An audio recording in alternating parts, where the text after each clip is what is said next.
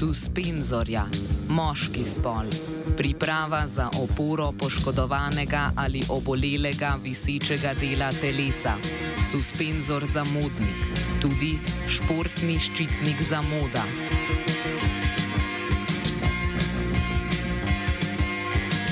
Suspenzor suspenzorja, moški spol, nešportna oddaja o športnem in obšportnem na Radiu Student, tudi nešportni ščitnik vsega športnega. Tako je, hvatajte jih na spavanju, to je rešenje. Če bi se dajle nekako uh, preračunali povprečen puls gledalcev, bi bil ta okrog 160 ali 170. Za gost, za uživanje, za pesmu na klubi, a vjerujem i kod doma, cijenjeni gledatelji.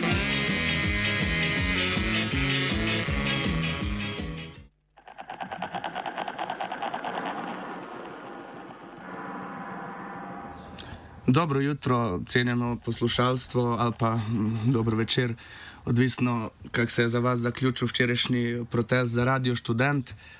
Poslušate oddajo Suspenzor, nešportno oddajo o športu, vašo najljubšo nešportno oddajo na Radio Student. Eh, Danes smo z vami, tako ponavadi, Anton Katalenič, ki uh, uživa v senci na kavču. Uh, poleg mene je še Nec Marcen in pa jaz, moja malenkost, Virant. Danes imamo nekoliko lažjo nalogo, ker verjamemo, da prav nišče ne posluša športne oddaje v trenutku, ko se je začela tretja tekma Evropskega prvenstva v nogometu. Druga. Uh, druga danes, ampak Ja. ja. tretja vse skupaj. Uh, Tako da javite nam, eh, če bo kakšna sprememba re- v rezultatu, lahko pokličete na 01-242-8800, ampak upam, da ne boste, da nimamo še s tem kaj preveč problemov. Danes bomo nadaljevali tam, kjer smo zadnjič ostali, torej uporabi uh, ogromne količine statističnih podatkov uh, v športu uh, za različne namene. Uh, če smo se zadnjič bolj osredotočali na uh, bejzbol, pa na uh, neke vidike nogometa, bomo danes se osredotočili na druge vidike nogometa, pa na košarko. Tako da to mislim, da, da bi bilo to dovolj za začetek, pa gremo se kar zagriznimo v vsebino. Mi imamo eh, tisoče nekih, nekih platform, ki so se razvile, razvile in iz tega, eh, kar se tiče določanja teh statističnih podatkov, kar se, kar se tiče vrednotenja posameznih igralcev in seveda tudi. eh, Um, in seveda tudi platforme, kot je Instat, ki ga najbolj poznamo v Sloveniji. Ga...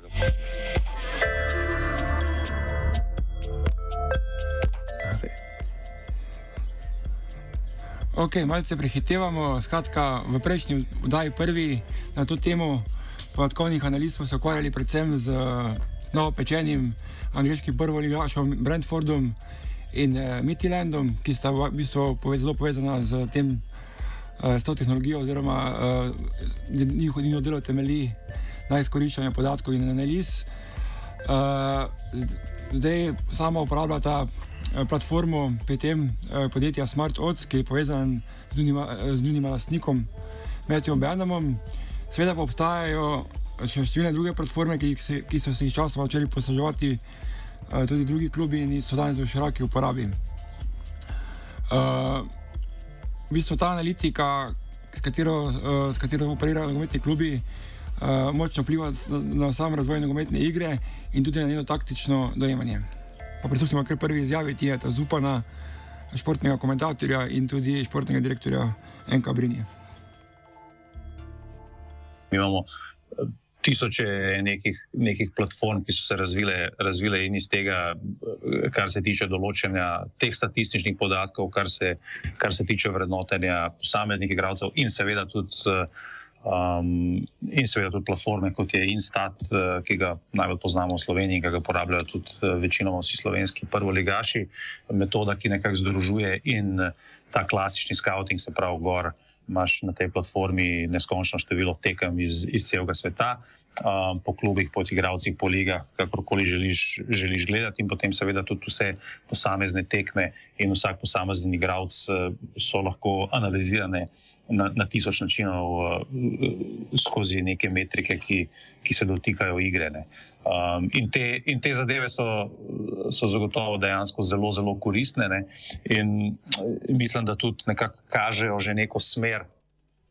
Smer tudi prihodnjega razvoja nogometa, predvsem kar se tiče, mislim, da trenažnega procesa, ki bo šel verjetno vse bolj, kar je že, že primer, seveda zdaj, ampak vse bolj v neke uh, individualne Eh, treninge po pozicijah, eh, kaj se potrebuje in na kakšen način. Ne. V končni fazi eh, ta dva kluba, Brentford in Midland, imata, imata tudi neke te zelo poglobljene sisteme, ki so jih pripeljali do tega, na kakšen način padajo goli. V končni fazi je ta njihova, recimo, najbolj znana mogoče stvar.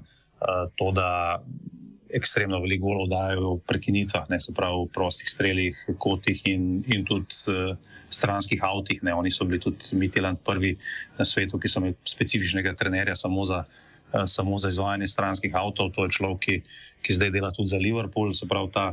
To zadevo so oni nekako sprožili, in, in ki je prej, mogoče ljudje niso posvečali take pozornosti. Ne? Ker če ti zdaj pomisliš nazaj, praktično imaš eh, pri stranskem avtu neko 50-50% možnost, da bo žogo zadržal, ali pa ne, ne več kot ne, gre, gre za nek med eh, strani na feeling.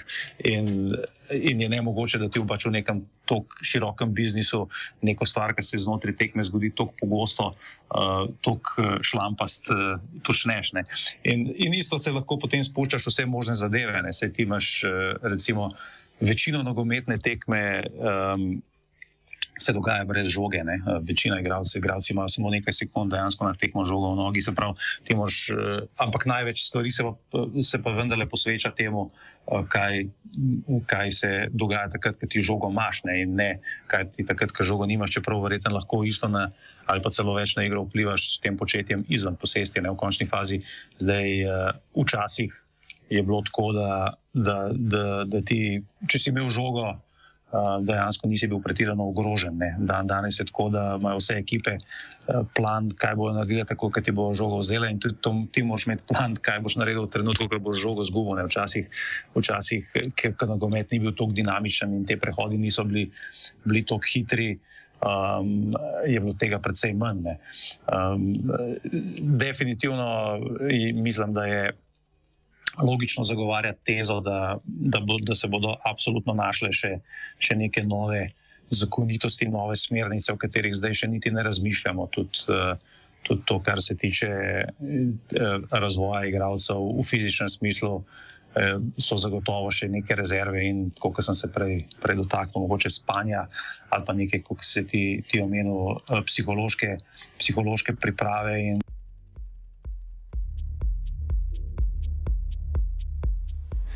ja, te platforme se pravi, zajema, e, zajemajo v bistvu ogromno število statističnih podatkov o praktično vseh segmentih eh, nogometne igre in jih pa v bistvu pri tem ne ovira globalnost in množičnost eh, nogometa v smislu, da bi zajele le manjšo, manjšo število nogometašev, ki so iz, recimo prihajajo iz dostopnejših držav, ampak so tudi globalno zelo eh, globoko eh, pokrite in organizirane uspešno pokrivajo ves nogometni svet, eh, klubom pa je tako v bistvu z nekaj kliki dostopen praktično vsak eh, posameznik, ki je profesionalno brca. Kar pa, kot ugotavlja naš sogovornik Tina Zupan, včasih tudi uvira bolj kot prednost.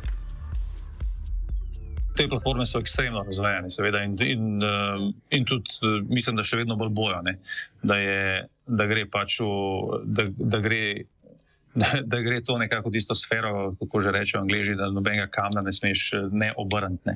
Uh, se pravi, posod, uh, posod se lahko skriva neki grad. Uh, jaz se vedno rad pošalam ti na, na vsakem travniku, lahko najdeš nekoga, ki ima, ki ima talent za fusbal. Se pravi, uh, danes, uh, danes je to ogromno nekih, nekih tekem na voljo. Posod, da, da jasno je že težko, da, da se kaj izmakne, te neki te neki širši pozornosti. Ampak v tem je. V tem celem sistemu je pa ogromno nekega praznega hoda, se pravi, ogledovanja nekih igralcev, v končni fazi bom grdo rekel, za brez veze, uh, igralcev, ki, ki niti, niti te skavti ne razumejo, zakaj gledajo, uh, gledajo in tako naprej. Ampak v končni fazi Don danes je je ta nogometni svet, kot rečemo, globalna vasne. Se pravi, dejansko, tako kot jaz vedno, vedno pravim mladim futbalerjem, ki jih, ki jih poznam kar veliko, neka osnovna mantra je, um, nikoli ne veš, da je te kdo gledane. In dejansko sem videl že, že ogromno primerov, tudi mogoče na, na našem na mikrokozmosu naše slovenske scene ali pa šir, širše, ker so se zadeve v bistvu zgodile slučajno ne, um, v, v nekih stvarih in uh, nekdo gleda neko tekmo, pa vidi nekoga drugega. Um, to je pa lahko zdaj uživo ali v slovenski mladinski ali pa kadetski ligi, ali pa če nekdo gleda Urugvajsko ligo ali pa Avstralsko ligo, pa tam vidi nekega igralca um, v katerem vidi vid nekaj več in ga potem skozi neko podrobno analizo in skozi neko svojo sito lahko seveda nekam tudi, tudi umesti. Tako da, kar se tega tiče, so, so te sistemi res uh, next level, no, po, po domače povedan. Um, če, če govorimo o nekem strogem skautskem, statle, ta Y-Scout, ki je bil prvi in zdaj Instat, mislim, da, da tudi neka dva kar se tega tiče, najbolj premiljiva. Je pa res, da, da klubi tudi sami razvijajo svoje modele in svoje sisteme in vse bazirajo na tem, kar njim najbolj odgovarja. Tako da, um, kar se tega tiče, so šle zadeve res drastično naprej in definitivno imajo še tudi ogromno prostora, da se lahko razvijajo naprej.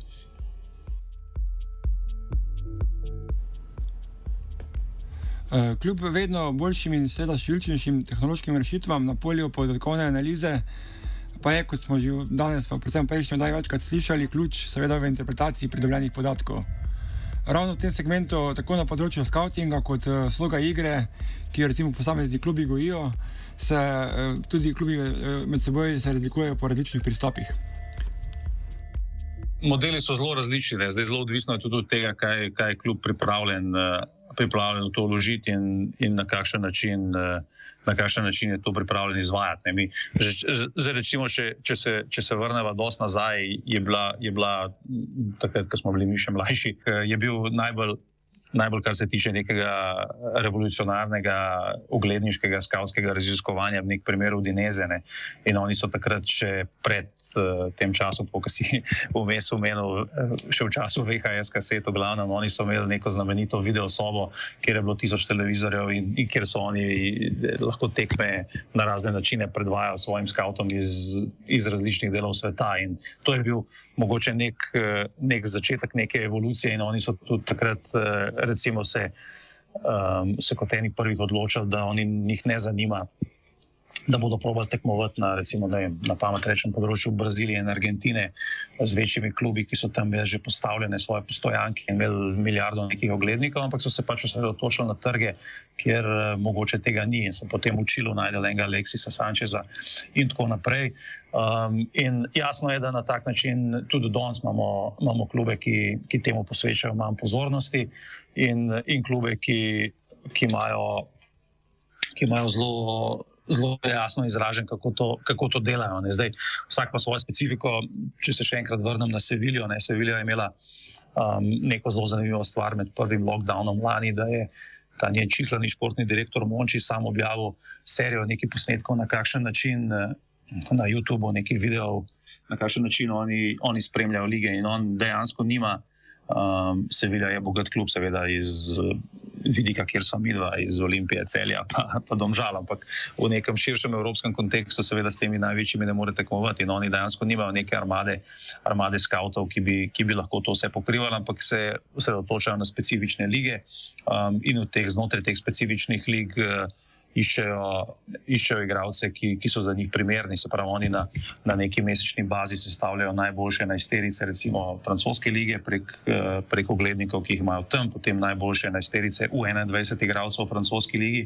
In na podlagi tega se pravi, si izbirajo neke, neke skupine igralcev, ki, ki so lahko za njih zanimivi. Ampak, um, kot je on že večkrat razlagal, recimo, če um, če so trenerji jaz ali pa ti, ti imaš verjetno drugačen pogled na to, kaj more levi bek početi kot jaz. Ne. Se pravi, ti mogoče hočeš, da veliko od gor, da da tisoč centrov šutov na tekmo levo-desno, jaz mogoče hočem, da je, da je v skladu z mojo zadnjo linijo, ne gre nikamor, več ali manj mora poskrbeti za obrambo in levo-desno. Se pravi, oni morajo imeti igralce specifično locirane za različen slog tudi trenerja, ki, ki, ga bodo, ki ga bodo uporabljali. To je pač neka specifika Sevilje, Ajax ali pa Manchester City na drugi strani, ki imajo zelo jasno določen svoj, svoj nogometni slog, so mogoče tle um, spet usmerjeni na različen način, se pravi, iščejo zelo tehnične igralce, ki, ki neke, neke stvari v zaprtem prostoru veliko lažje rešujejo.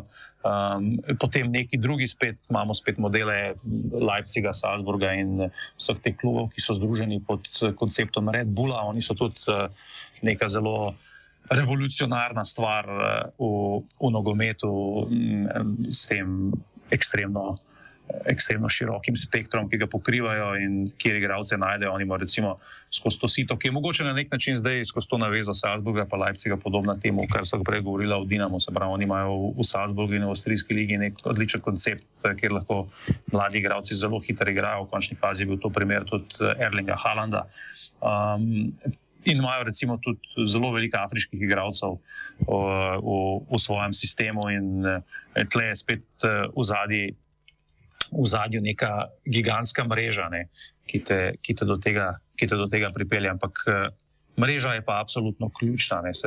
Zadnjič sem poslušal tudi uh, en intervju, ki je bil, mislim, kar odmeven v, v, v Sloveniji z Romeom Jozakom, se pravi, bivšim uh, vodjo Dinamove nogometne šole na, na YouTubu, na, na enem izmed hrvaških podcastov, kjer je, kjer je govoril ravno o tem, da je pač v končni fazi mreža najbolj pomembna, ker ti sam ne moreš nič narediti. Ne.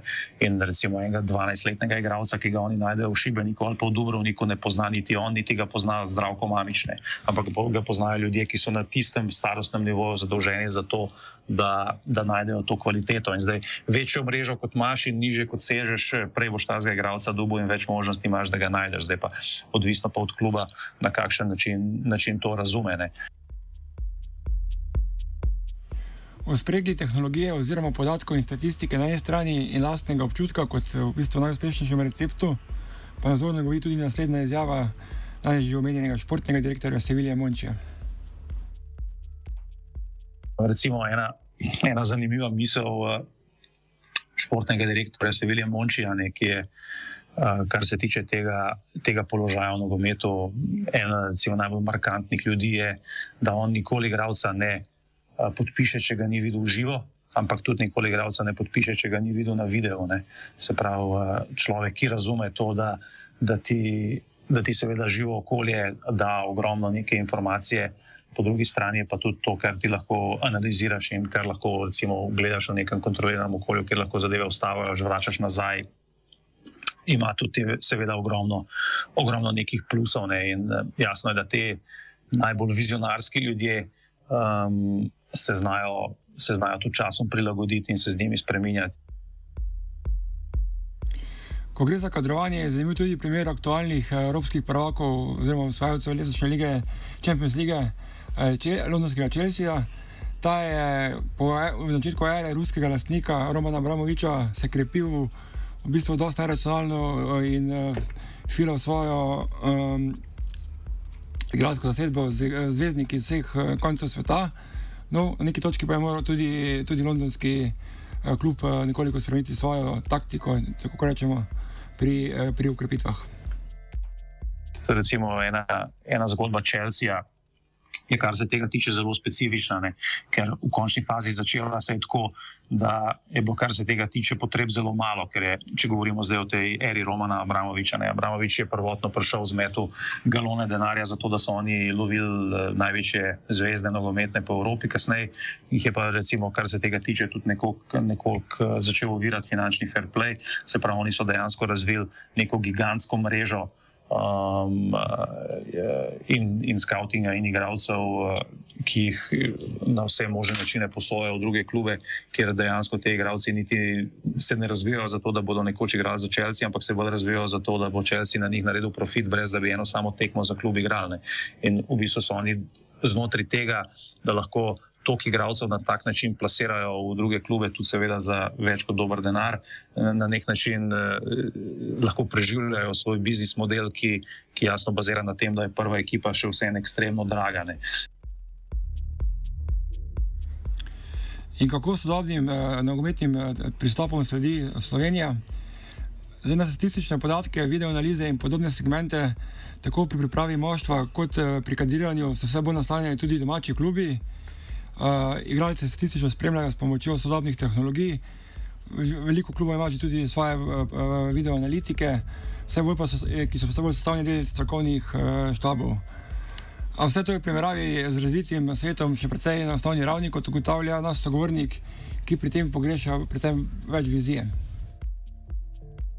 Moram reči, da sem zelo razočaran nad tem, kako zelo ne vizionarsko je, kar se tega tiče v Sloveniji, ne, ker praktično te modeli ne bazirajo niti približno na čem takem, kar, kar je prisotno v tujini in uh, je, je vse je vse eh, na neki zelo, zelo osnovni ravni, ker moje osebno prepričanje je, da bi, da bi lahko klubi, kar se tega tiče, imeli veliko bolj širše poglede, bolj odprte oči in bi lahko tudi, kar se tega tiče, veliko, veliko več naredili. Um, in mislim, da pri nas je tle. Um, da so tle neke zadeve zakorenjene, ne spremenjene, predvsem zato, ker nimamo um, nekih vizionarskih uh, ljudi na, na ključnih eh, odločevalnih položajih, ki bi, ki bi se recimo nekega tazga modela oprijel in, in, bi tudi, in bi mu tudi lahko sledili.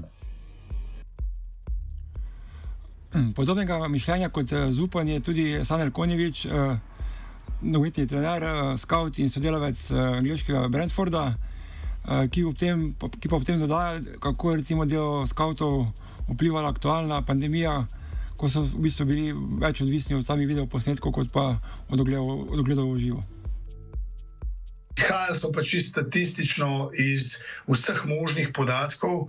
Uh, po, pokrivali so, bom rekel, ta smart-odske podjetje od Brentforda, ne, oziroma od tega lasnika, je dejansko pokrival vse lige po svetu. Uh, in uh, lahko si predstavljaš, da so to bili milijoni in milijoni data podatkov, iz katerih si pol izločil uh, tisto, kar je bilo tem potrebno, da si šel pač pol v dodatni scouting. Vmes so pač tudi, uh, bom rekel, prilagodili svoj model igre in so tudi spremenili načine treningov. Uh, tako da je dejansko cel fokus bil v tem, da oni delajo stvari drugače. In je šlo, šlo tako daleč, da so dejansko. Um, trening sešni, uh, model igre, uh, tudi bom rekel, psihološka obravnava igralcev je bila vsa vezana na, na neke potrebe, ki so jih oni pač zmodelirali preko statističnih podatkov.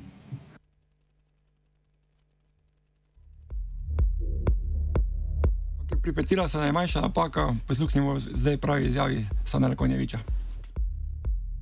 korona zdaj pač vpliva na to, da uživo skautinga skoraj da ni več, oziroma je pač čisto omejeno. Ampak. Uh, Ja, spremenili se je dosti. Je pa dejstvo, da smo mi, kot bom rekel, Slovenija, pa predvsem ta, mogoče tudi balkanski del, če izločimo ven Dinamo, pa mogoče še ne dva, tri klube, smo kar precej zaostajamo v uporabi najbolj, bom rekel, sofisticiranih podatkov za, za scouting, uh, tako igralcev, kot tudi za analize nasprotnika. celovita podakovna obdelava nogometašov in nogometne igre v njej odpravlja pomakljivosti, predvsem na način, da se iz nje izrinja nepredvidljive situacije in taktična presenečenja. Zdaj, vprašanje, ki se tam tudi seveda zastavlja, je, ali se s tem postaja nogomet tudi manj zanimiv in privlačen. Na eni strani nam je tehnološki nadzor že onemogočil eh, pojav novih božjih rok in nepravičnih nastavov iz offsajda, o katerih bi se potem razpravljalo še na desetletja. Študiozni trenerski pristopi, temelječi na podatkih in statistiki, pa vtegnejo v futbalu vzeti še spontanost, nadvahne poteze posameznikov in antologijske gore. Zdaj, upam, se s to pošaljno oceno uh, vpliva analitičnega pristopa na futbal ne strinja povsem, se meni, da se ta nepredvidljivost na eni strani in uh, podatki in statistika na drugi ne, ne krešata povsem. Uh, Pomembno pa je tukaj tudi dejstvo, da, ne, da je ne mogoče nadzorovati vse segmente nogometne igre. Delno, ja, ne. Vse Mitjeland, so recimo, ki je bil prvo leto um, prvak na Danskem tudi nekako učital to, da je njegova igra nekako zelo metodična, pa klinična, pa mogoče brez nekega, nekega tega vica, uh, ki ga, ga omenjaš. Po drugi strani je pa tudi namen teh modelov, predvsem, da oni, um, da oni pripeljajo, pripeljajo igralce v, v, v neke položaje, iz katerih si pač ti lažje uspešen. Se pravi, če govoriš o, o, o tem, da zabiješ gol, o tem, da pač ti veš, kakšne pozicije so najbolj primerne za to, da ali streljaš ali pa ne. ne. V končni fazi to mogoče lahko na nek način poveževa um, s to evolucijo uh, košarkarske igre v Ligi NBA. Ne. Oni so. Oni so recimo v zadnjih letih strogo prišli na, na to, da se v bistvu na vsaki tekmi cepajo samo še trojke, ne? ker je pač tukaj toliko uh, večji doprinos tega, če daš tri pike, kot da se gužvaš tam v raketi, pa daš dve. Ne. In zato se jasno tudi uh, posledično spremenja in konfiguracija uh, Eh, njihovih ekip in seveda tudi, uh, tudi profil igralca, ki, ki je lahko v ligi uspešen. Ne.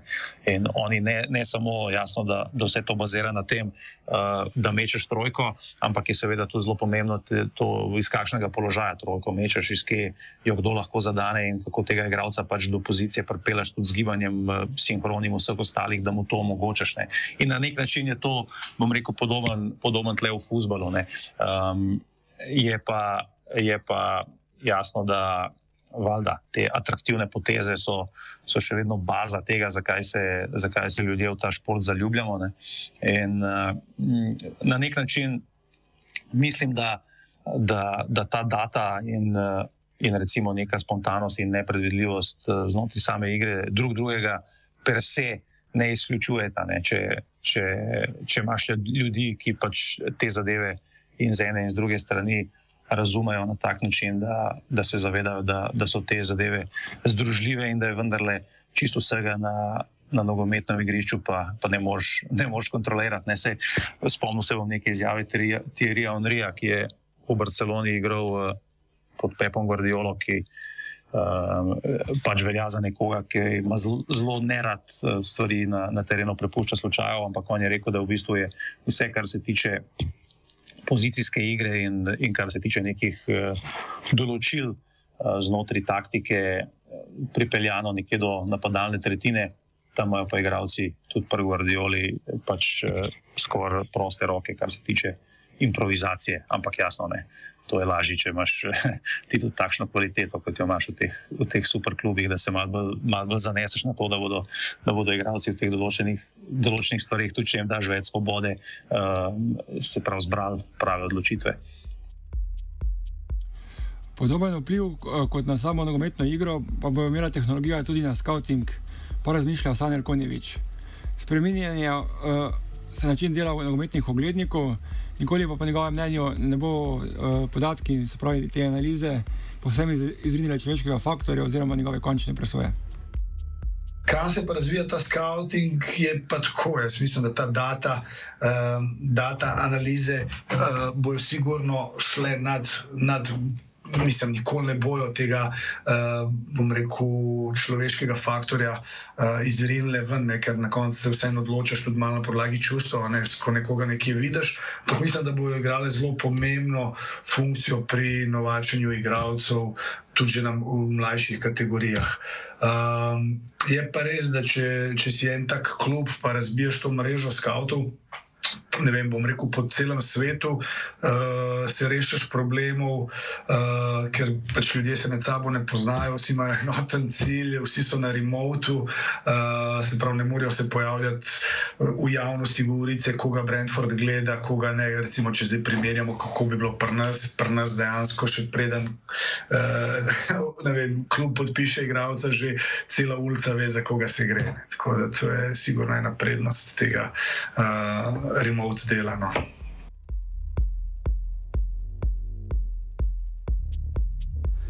Naprej z basketom.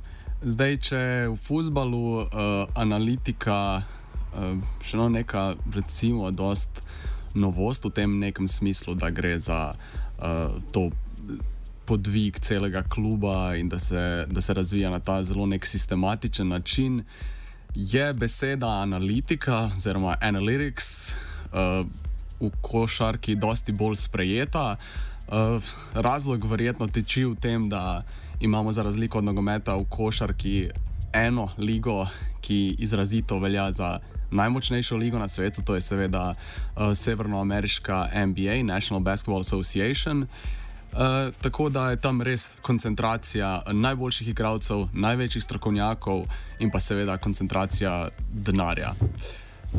Zdaj um, o analitiki v košarki smo se pogovarjali z Danielom Bratuličem. Uh, Daniel je športni zanesenjak, ne vem kako drugače ga opišem. Uh, svoje tekste objavlja na, svoji, na svojem websiteu bballlytics.co, uh, na povezavo boste najdel. Uh, na uh, prispevku na strani Radio Student. Uh, no, Daniela smo v bistvu na začetku vprašali, če lahko opiše, kje je ta meja med statistiko in potem analitiko. V smislu, da recimo v zadnjih par letih, odkar je Slovenija zajela ta Dončić manija, zelo veliko ljudi, ki prej niso mogoče toliko spremljali košarke, naenkrat vejo, kaj je trojni dvojček. Uh, in vejo, da je pač več točke dobro, ampak tudi veliko asistenc in pa denimo uh, skokov. Uh, in skoki so ena taka kategorija, ki je specifična v statistiki, se ceni mnogo bolj uh, kot v analitiki. No, mogoče kaj več o tem pozneje, ampak dajmo začetek besede Danielu in naj opiše, no, kje je ta meja statistika, analitika. Pa mislim, analitika se zapravo dijeli na, na dva dijela, na video in na, na podatke.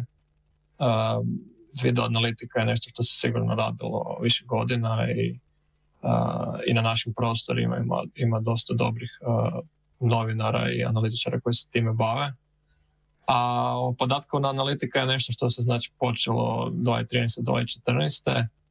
2014. Detaljnije ulaziti u sve to i sad naravno svi znaju za, za čuveni trend trojki, za te trojke vrijede više od dvojka, ali i naravno ostatak nekih detalj, izgradnje detaljnih nekih modela iz, iz podataka uh, ovih takozvanih box score podataka, znači ono skokovi, poeni, asistencije uh, i ovaj on-off brojki, znači kada je netko na terenu, kada je netko izvan terena, takozvani plus-minus modeli, to je onaj box plus BPM statistika koja je na basketball referencu dostupna i onda sad postoje neke izvedenice s toga. To bi bila recimo neka osnova, kao to, to bi bilo nešto analitično bih ja rekao. A sad ide se to još u detalje gdje, gdje ono nije samo statistika već treba isprogramirati. Uh, znači, postoje podaci koji su dostupni, znači 2D kretanje igrača. Uh, igrači se prate preko kamera ili možda imaju čak neke trackere, one uh, RFID, ako se to tako kaže, nisam siguran.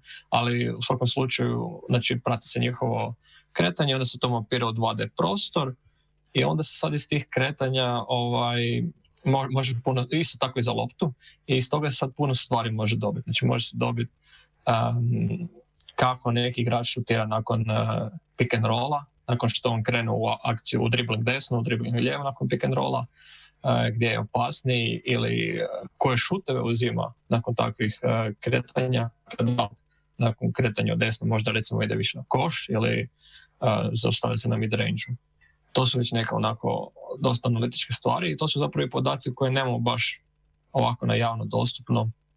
Postoji samo neki mali podskup tih podataka um, koje ja mislim da je NBA slučajno objavio negdje 2014. godine.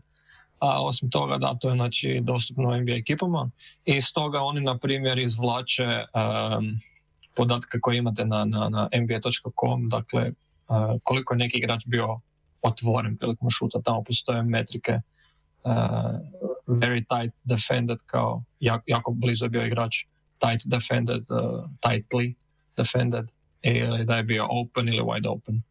Znači to su neke agregirane metrike onda iz tih sirovih tracking podataka. Tako da eto, to je to. Ja bih rekao da to, ne, to nekako su to neke stvari koje bi se nazvati analitikom. Znači iz tih statističkih modela koji već postoje onak 20 godina i taj PER je bio, PER je bio prvi uh, model do tih nekih naprednih uh, izračuna. Nisu to možda niti modeli ponekad, nego jednostavno neki izračuni iz, iz kretanja igrača.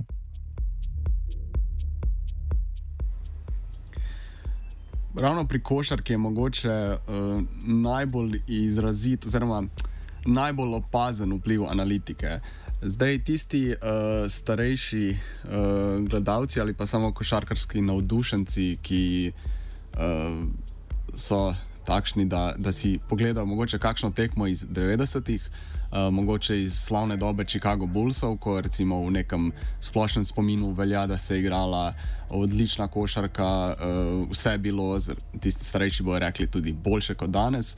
No, ampak uh, če gledate te tekme, boste hitro opazili, da se, da, da se je šport bistveno spremenil. V smislu, takrat je zelo velik poudarek bil na visokem igralcu, ki je stal pod košem, uh, zelo nagnetena je bila ta raketa, se pravi ta prostor pod obročem. Uh, trojke so šutirali re, le redki, ne vem, igralec kot Dražen Petrovič, ki velja uh, v splošnem spominu kot odličen, odličen tricaš, je res bil to, ampak v primerjavi s številkami, koliko poskusov danes šuterajo, uh, ne samo playmakeri ali pa dvojke, ampak tudi centri, uh, so njegove absolutne cifre pravzaprav nizke. Um, tako da. Uh, če se uh, dotaknemo zdaj te spremembe, uh, recimo 2010, 2011, 2013, 2014, tako je, do, do, tam je nekje tudi Daniel povlekel to uh, črto. Uh, se govori o, o tem močnem vplivu analitike. Če ste poslušali prvo oddajo športni analitiki, smo veliko besed namenili Moneyballu, uh, torej tej um, neki logiki, ki je sledila iz analitike, uh, da so v bejzbolu uh, sestavljali ekipe na podlagi teh uh, številk in ne nujno na podlagi, uh, kako se reče, i-test, se pravi, da na podlagi nekega klasičnega skautinga ali pa uh, štetja statistike. Na okošarki se je prijel izraz Moriball. Uh, kar se referira na Derila Morja, športnega direktorja trenutno Philadelphia 76ersov, uh, prej pa Houston Rocketsov. Uh, on je bil ta človek, ki je v bistvu uh, prvi poskusil s tem, da kaj pa če šuteramo res ogromno trojk. Kaj pa če res šuteramo ogromno trojk in uh, šutov pod košem. Ostale se izo izogibamo in uh, ta neka logika, čeprav Houston Rockets niso nikoli dosegli uh, željenega uspeha, ampak uh, njegov pečat je. Uh, Zelo občuten v celi ligi, tako da če danes gledate košarko, je ogromno trojk in šutov pod košem, ta mid-range, uh, umestno območje, v bistvu spoh se ne uh, poizkuša več toliko zmeti. Saj uh, po analitiki se ta šut preprosto ne splača, če je to smiselno. Uh, No, prej dam besedo Danielu, pa uh, se, se tudi on tega dotakne. Druga oseba, ki je pa zaznamovala zadnje desetletje, pa je Steph Curry, ki pa je preprosto uh, najboljši šuter vseh časov. In potem se pojavlja tisto vprašanje, ali se je igra spremenila zaradi Stefa Curryja, uh, oziroma ali je Steph Curry spremenil to igro s svojim načinom igre. Uh, ali je pač uh, samo prišel pravi čas v ligo, da je lahko pokazal vse te svoje znanja. Oni su gradili tu momčad, on je bio tamo mislim na 27. 8. možda nekad prije, nisam sad skoro siguran, do ove, ove sezone, do kraja prošle sezone, sad je otišao u Filadelfiju. I on je izgradio u Houstonu baš tako, recimo, analitički savršenu ekipu gdje su skroz izbjegavali šut sa midrange i forsirali su trojke i ono lagane pick and rollove uh, na centra. A Steph Curry je definitivno jedinstveni igrač jer, jer mislim nisu na kraju krajeva Houston, ovaj bože, Golden State Warriors izbjegavali uh, te šutove s mid-range. Oni su ih imali podosta u toj svoj, toj svojim zlatnim godinama, tim svojim nekoliko godina kad su bili pri vrhu ali Kari je jednostavno igrač da, koji je u tom u tako neko razdoblje to je savršeno za njega. Mislim, pitanje je bil, bili još neki igrač uh, nekad u prošlosti se tako dobro uklopio, jer svi znamo da je bilo puno šutera, ali M nisu imali takve ovlasti, M nije bilo tako uh, dinamika u NBA ligi, da, tako da definitivno ima nešto u tome da je, da je ovo razdoblje um, prikladno za njega. Jel?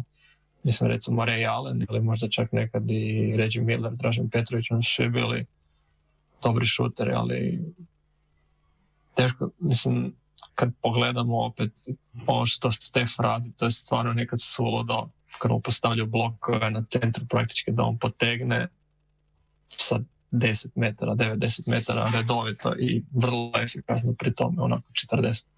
Mislim da sam baš to nekad nedavno bio gledao i na tim tricama dalekima i luda efikasan. Tako kot pri drugih športih, tudi pri košarki, seveda eh, pri uh, teh upeljavah novosti se pojavlja klasični očitek, da tukaj ni več neke eh, romantike, tako rečeno. Ali pa da je preprosto dolgočasno gledati takšno košarko, čeprav osebno se s tem absolutno ne strinjam. Uh, je pa še druga stvar. Uh, Pri uh, teh spremembah načine igre in to so uh, spremembe pravil, če včasih še Kilo Nil, recimo kot izrazit center, imel nadvlado nad vsemi in so morali zaradi teh prevelike uh, prednosti, ki so imele ekipe z odličnimi centri, spremenjati pravila, se potem pojavlja vprašanje, ali zdaj v dobi analitike in v dobi odličnih tricašov. Ali se bo nekako na drug način spremenila pravila, uh, da pač Stef Curry ne bi bil uh, bog, ampak samo še pol bog na terenu? Kaj se te misli, Bratulič? E, ja mislim da će doći do nek nekakvih promjena pravila um, koje će možda otežavati štiranje trica. Sad, da li će to biti uh, pomicanje trica unatrag, ne znam da li će to biti pravo rješenje. Možda će se otežati ovim nekim uh, ne tako vrsnim šuterima, kao, znači onima koji nisu recimo Steph Curry ili Damian Lillard koji ima baš ne smeta udaljenost ali možda neko uvođenje handcheckinga, opet kao što je bilo ranim 2000-tima, da, da, da se ono, malo, malo oteže ta, ojača ta, očvrsne ta obrana na trici ili možda ekstremnije malo opet uvođenje nazad ove tri sekunde u reketu jer ono, ako se zacementira jedan Rudy Gobert tu ispod koša možete zaboraviti na to da ćete vi većinu svojih šuteva uzimati ispod koša. Uh, jer iako su trice dominantne, to je zapravo ovaj, znači prebacilo se puno toga i ispod koša, znači taj onaj restricted area. Tako da da, ja mislim da će biti nešto će se promijeniti u pravilima košarke, a možda je taj ceiling već nekako dosegnut jer ove godine nema nekog značajnog, uh, nema tako značajnog pada midrange. Palo je za možda par ono, 0, nešto šuteva po utakmici, zadnje što sam gledao pred um, tjedan, dva. Tako da mislim da je to isto neki pokazatelj da je to došlo kraju, jer pet godina prije toga je bio jako, jako ogroman je bio pad, palo je sa 20 šuteva po utakmici na tih 12 cijelih nešto kao što sam rekao, što je ogroman, ogroman pad za, za tako malo razdoblje. Tako da eto, možda je došlo i do tog nekog zasićenja, možda je to krajnji minimum koji, koji, koji, koji vidimo sad. Ja, ob tem se lahko športni romantiki, ne vem kako nek drugače označim, uh, malo uh, nasmehnejo privoščljivo, če verjamemo Danielu, da mogoče je to doseglo uh, nek svoj uh, limit, mogoče tisti, ki bolj spremljate uh, NBA, boste poznali igralca z imenom PJ Tucker, ki je uh, človek, ki je igral krilo 1,96 m, no v teh Morejovih uh, Houston Rocketsih, pa ga je naložil kar na mesto uh, centra, se pravi tako imenovani small ball, vsi so majhni, uh, vsaka, vsak igralec lahko drži vsakega igralca nasprotne ekipe. To je ideja. Uh, in ja, v letošnjem letu, ko vidimo, da je vem, center prvič po 21 letih osvojil nagrado najkoristnejšega igralca v Ligi NBA, to je seveda uh, srpski center Denver Nuggets, Nikola Jokic. In pa ko vidimo počasi že favorite za vsaj finale Lige NBA, uh, Phoenix Suns, ki jih vodi uh, Chris Paul, ki šutera prav izrazito te midrange šute, ki naj bi umrli in ki naj bi ne bilo, bilo mesto v moderni košarki, se pojavlja vprašanje, če je to to. No, vsekakor uh, analitika gre dalje, vsekakor uh, bo. Z vse boljšimi modeli, vse pomembnejša uh, vloga uh, matematike, preprosto rečeno, v tem športu. Uh, če ne v sami igri, potem pri, pri tem, katerega igralca recimo izberejo na uh, draftu oziroma naboru. Uh, pri tem se uh, s temi modeli, uh, o katerih bo zdaj malo več povedal Daniel Bratulič, na nek način želijo športni direktori in pa v bistvu vodstva klubov izogniti tem nekim fake dobrim igravcem, ki. Samo nabijajo statistiko, bi se reklo, no? zberejo veliko točk, skokov, ampak s tem uh, modeli pa se vidi, da mogoče pa njihov prispevek vendarle ni toliko vreden, kot bi uh, o tem dejale same cifre. Uh, no, ne poveš, uh, Daniel, kateri so te modeli in kaj točno povedo uh, strokovnjaku in pa tudi navadnem gledalcu. Prvi ti modeli, mislim, da je Per imel uh, samo znači, box score podatke. Znači ono što sam rekao, skokovi, uh, koševi, asistencije, postoci šuteva i tako dalje. I sad ti ovi novi modeli, novi modeli imaju i znači, plus minus uh, ovu statistiku igrača, neku kompliciraniju od samo toga koliko, su, koliko je Košćeva ekipa imala u plusu kad je on bio na terenu, koliko u minusu. I te dve dimenzije se za sad uh, koriste u velikoj većini modela. Postoji još neki uh, RAPM, RAPM, taj BPM, mislim da oni to imaju komponirano. Uh, Raptor metrika, ja mislim da to imate od ovog uh, 538 stranice, dosta poznate za politiku i sport. Uh, I još jedna metrika koja se zove Lebron, baš Lebron, kao Lebron. mislim da isto samo te dve dimenzije uh, ima. A treća dimenzija možda netko od njih to uključuje, su uh, i uključivanje tih tracking podataka. Znači to su ti podaci poput recimo uh, gravitacija igrača, uh, znači koliko blizu mora biti neki obrambeni igrač na njemu. Jer recimo neće biti obrambeni igrač jednako udaljen od Duncana Robinsona koji je elitni, možda i top 5 šutera u ligi. I recimo, pa evo, Dario Šarić mi na pameti koji on, nije, nije loš šuter, ali velika razlika.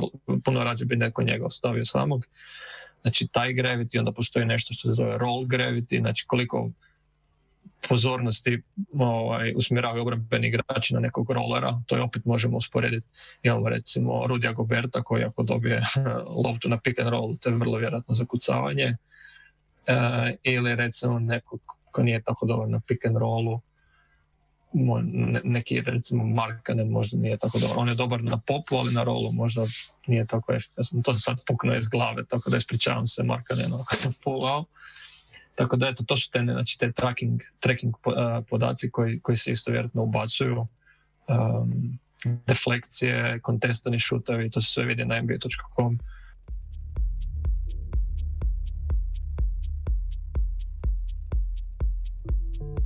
Še vedno kljub vsej tej znanosti ostaja vprašanje, kako točno meriti obrambo v košarki. Uh, no, kot je že nakazal Daniel, zato obstajajo tudi posebni modeli, ki pa niso tako idealni, kajti uh, pridemo recimo na to, da uh, merimo, koliko je vsak, koliko branilec vpliva na šut nasprotnika, ampak na to na to v bistvu gledamo na način, kdo je bil najbližje tistemu šuterju, kar ni vedno idealno. Uh, tako da obramba, kot za navadnega gledalca, tudi za uh, nekega strokovnega analitika, ni, uh, ni tukaj preprostih odgovorov, kako razumeti to, kako oceniti vrednost uh, določenih košarkarjev. No, naj nam ne zamerijo razne evroligaške ekipe in pa slovenski klubi. Um, tokrat je bil fokus res na NBA, ampak uh, hočem povedati, da to, kar se dogaja v NBA, v najmočnejši ligi, se potem prenaša dalje, tako da uh, brez skrbi, da vsi te trendi, ki veljajo tam, veljajo tudi vse bolj v Euroligi, v Ligi ABA in tudi na vašem lokalnem igrišču.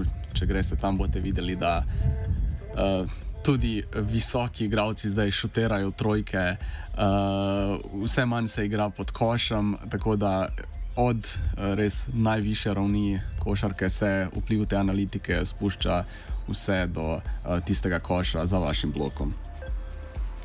No, prišli smo do konca današnjega statistično-analitičnega suspenzorja.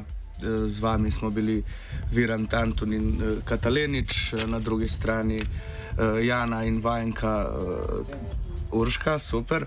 Najlepša vam hvala. Naj se za konec Katja, oprosti, vidiš to je še od včeraj, uh, zgleda. No, naj se na tem mestu, poleg tega, da se opravičim Kati, ker sem jo narobe poimenoval, opravičim še uh, nogometnim navijačem, da so morali poslušati uh, pol ure o košarki zdaj. Ampak uh, poglejte, radio študent je uravnotežen medij in uh, moramo poročati o različnih športih. Poslušajte še naprej 89,3.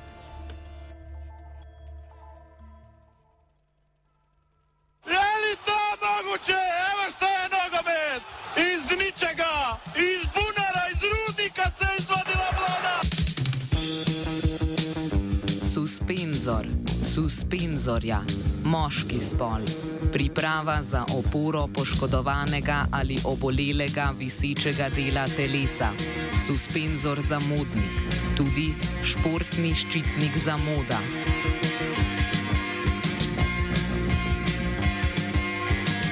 Suspenzor suspenzorja, moški spol, nešportna oddaja o športnem in obšportnem na Radiu Student. Tudi nešportni ščitnik vsega športnega. Tako je, hvatajte jih na spavanju, to je rešenje. Če bi sedaj le nekako uh, preračunali povprečen puls gledalcev, bi bil ta okrog 160 ali 170. Za gošt, za uživanje za pjesmu na klupi, a vjerujem i kod vas doma, cijeljeni gledatelji.